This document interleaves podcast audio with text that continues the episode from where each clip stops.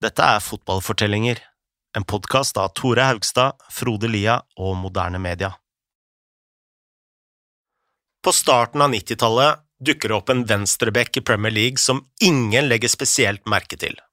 Han er treig, svakt defensivt og middelmådig med ballen. Han er også litt for smart for den typiske fotballkulturen i England på den tiden. Mens lagkamerater leser såkalte herreblader, sitter han på bussen med tunge bøker om amerikansk politikk. Som spiller skal Graham Potter bli kritisert, utlånt, dumpa og forlatt.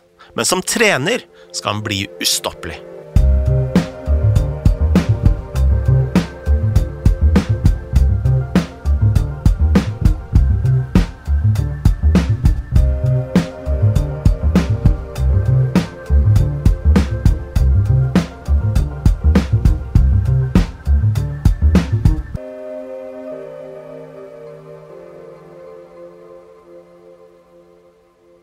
Graham Potter ble født i Solihull, en landsby sørøst for Birmingham, med en drøm om å bli profesjonell fotballspiller. Faren Steve var ingeniør på en fabrikk og jobbet tunge nattvakter i bytte mot en begredelig lønn. Lille Graham var strålende på skolen, og moren ville at han skulle gå på universitetet og få seg en skikkelig utdanning. Men Potter, han hadde helt andre planer.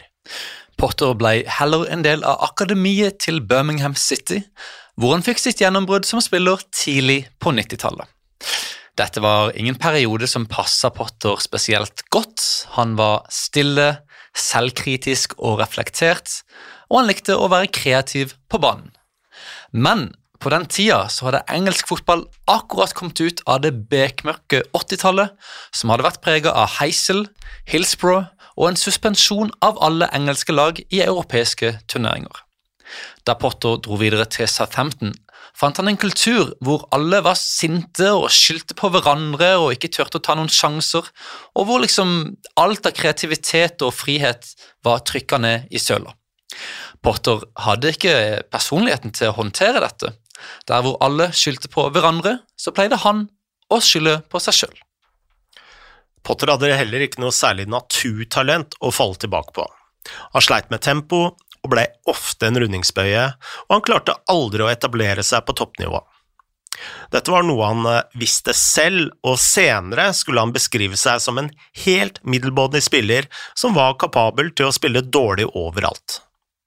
Han fikk kun åtte kamper for eh, Southampton i Premier League, og den mest berømte kampen var kanskje 6-3-seieren mot Manchester United i 1996, hvor vår egen Egil Løstenstad skåra to mål. Potters eneste landskamp var en 2-0-seier med U21-landslaget i Moldovia. Snart eh, dro han videre til West Bromwich, hvor han eh, ble lånt ut til Northampton og Reading før han endte opp i York City. Dette var ikke slik Potter hadde sett for seg sin egen karriere, og en dag tenkte han vent litt, har jeg virkelig gått fra ung og lovende til dette? Det svei ekstra for Potter at fotballmiljøet var så enormt langt unna den skolen han hadde elska og gått på. Han spilte for trenere som ville ha ballen så langt opp i banen som mulig, med tankeløse oppspill fra backer og keepere, om ballen da var ut til et utspark fra motsatt side, så var det aldeles strålende. Kulturen i garderoben var heller ikke akkurat intellektuell. En gang satt Potter og skumma gjennom en tabloidavis da han tenkte vet du hva, jeg pleide faktisk å være ganske smart. Det ble et vendepunkt for Potter. Mens han spilte, begynte han på et deltidsstudie i social science ved The Open University. Han likte at man kunne studere hardt og få betalt med gode karakterer, i motsetning til fotball, hvor man kunne jobbe hardt som bare det, uten å få en eneste gevinst. På lagbussen kunne han ta med seg bøker om eh, både politikk og økonomi og andre temaer, og det var vel fair å si at lagkameratene sperra opp øynene. Potter gikk på ingen måte ut på toppen som spiller. Da han var i York, fant han ut at han ikke fikk fornya kontrakten, og det visstnok ved å lese tekst-TV på sin egen bryllupsdag. Han dro videre til Boston United, hvor det var en periode hvor han eh, ikke fikk betalt. Så eh, Boston de prøvde å kompensere for dette ved å få en av sponsorene til å gi han en gratis frossen kalkun til jul. Potter ble så lånt ut til Shrewsbury før han avsluttet karrieren i Macclesfield. Der la han opp som 30-åring, delvis fordi han var lei, og delvis fordi han skjønte at færre og færre klubber ville ha han. Som han sa det sjøl, så sto ikke akkurat Barcelona og United i kø. Potter hadde ingen klar plan for hva han skulle gjøre videre. Han var nettopp blitt ferdig med graden ved The Open University og vurderte å bli lærer. En annen mulighet var å bli trener, men Potter visste at det ikke kom til å bli lett. Han hadde tatt en økt da han fortsatt spilte i Macclesfield, og følte seg umiddelbart ukomfortabel med å stå foran så mange spillere. Han sa selv at han var eh, fullstendig elendig, og at han trengte masse opplæring. Men da han tok de første trenerkursene, følte han at de var skapt for å gi gamle proffer lisensen så fort som mulig. Det var lite fokus på utdanning og ideer. Da han var ferdig, visste Potter kun én ting, og det var at han ikke visste noe som helst. Men Potter var flink nok til å få en slags jobb innen fotballen.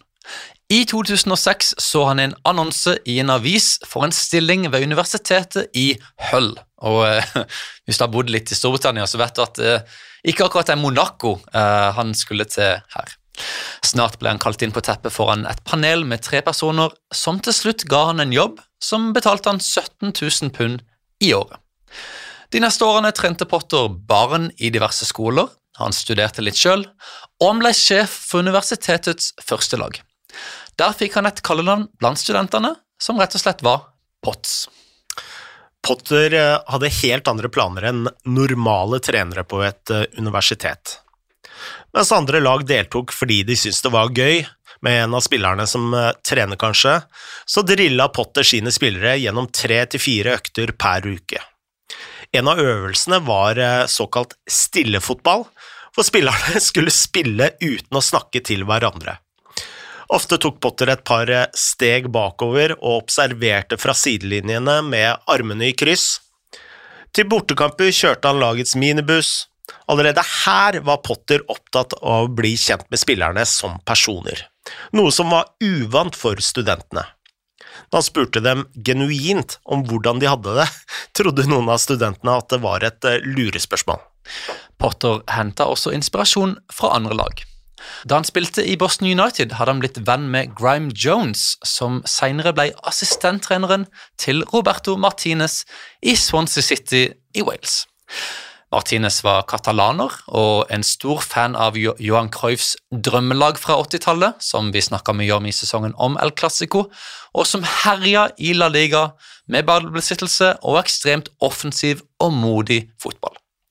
I Swansea så prøvde Martinez noe veldig uvanlig på den tida, og det var rett og slett å innføre denne Cruyff-Barcelona-aktige stilen i tredjedivisjon i England. Uh, med et helt ordinært lag som før spilte 4-4-2 og banka ballen oppover. Og snart rundspilte Swansea hele divisjonen med et knippe luresigneringer fra spanske smålag. Potter var på treningene og observerte og stjal ideer, delvis fordi de virka, og delvis fordi han fortsatt ikke hadde så mange for seg sjøl. I denne perioden fikk Potter også en smak av landslagsfotball. Universitetet i Hull hadde tette bånd til Ghana, og i 2006 dro Potter ned til Accra for å lede et par økter sammen med de lokale trenerne der. Senere inviterte universitetet et av Ghanas landslag opp til sin campus for å trene. Så i 2007 fikk de besøk av Ghanas damelandslag, som ble der i to hele uker. Universitetet skrev en oppgave om laget og ga dem alle fasilitetene de trengte mens The Black Queens brukte oppholdet som en oppladning til VM i Kina det året. Innen de dro videre for å lade opp til turneringen, hadde de fått en ny teknisk direktør. Og han, han het Graham Potter. Dette ble en vanvittig utfordrende tid for Potter. I midten av august 2007 så fløy han alene ned til Accra for å ta laget gjennom en 1-0-seier mot Nigeria i OL-kvaliken. De neste to ukene jobba han på treningssenteret i Pram-Pram, en by en time nord for Accra, som Potter sa lå i midten av ingenting, fullstendig isolert. Potter skrev faktisk ei dagbok i løpet av denne perioden, som senere skulle bli publisert av The BBC. Og Han skrev at den første natta han var der, så gikk strømmen over hele anlegget, og Potter skrev at han aldri hadde opplevd et så ekstremt mørke. Flere hindre venta for Potter. Da laget dro videre for å spille en ny OL-kvalik i Sør-Afrika, måtte han bli igjen fordi han ventet på visum i Kina. Da de endelig ankom Hangzhou i Kina, prøvde de å lade opp så godt som mulig. På en av de første dagene fikk de politieskorte til det gigantiske Yellow Dragon Stadium, hvor de skulle spille to av sine gruppekamper. De trente sammen foran to enorme tårn og 50 000 tomme seter, før de dro ut på shopping, sightseeing og en tur til det nasjonale museet for silke. Men selv om det kulturelle var spennende for Ghana i Kina, så var ikke kampene spesielt lette for dette laget. Først tapte de 4-1 mot Australia foran 25 000 tilskuere på Den gule dragen, og tre dager senere, på samme sted, tapte de 4-0 mot Canada. Deretter skulle de til Shanghai for å møte selveste Norge i den siste kampen. Men så ble Øst-Kina truffet av en enorm tyfon som var så sterk og brutal at han gjorde to millioner mennesker hjemløse. Kampen ble utsatt i 24 timer, og så flytta tilbake til Den gule dragen, og der fikk Ghana bank av Bjarne Berntsens damer. Ragnhild Gulbrandsen skåra hat trick, Lise Klavenes fant nettet, og Norge vant 7-2. Det avsluttet en periode på seks uker som Potter hadde opplevd som seks år. Han var fullstendig utkjørt og skrev at dette hadde vært en av de vanskeligste og mest frustrerende opplevelsene han hadde hatt. Det har vært mye positivt å jobbe med disse spillerne, og jeg har lært mye av å være med i et VM, skrev Potter. Men jeg føler jeg har vært med på å se hvordan man ikke skal gjøre det. I 2009 dro Potter videre fra Hull til Leeds Beckett University. Der fikk han en eh, lignende rolle, altså som sjef for studentenes førstelag, som lå i 9. divisjon. I tillegg tok han en master i ledelse og personlig og profesjonell utvikling. Dette var et spesielt kurs hvor de fleste studentene var kirurger. Potter var den eneste med sportslig bakgrunn, og en av kursene ble holdt av den britiske hæren, som på den tiden var involvert i krigen i Afghanistan. Studentene dro ned til Sør-Tyskland, hvor en av lærerne prata om hvordan stress og vanskelige oppgaver kan føre til tabber. Kunsten, sa læreren, var å kunne håndtere disse tabbene på en riktig måte og lære av dem istedenfor å skylde på andre. Dette var spesielt relevant for kirurgene, som kunne utgjøre forskjellen på liv og død. Men Potter tok med seg lærdommen inn i fotballen. Potter tok også en modul i emosjonell intelligens, som igjen var en slags løsning på den kulturen han hadde opplevd som spiller. Han skrev en hovedoppgave som visstnok var så god at han kunne vært publisert.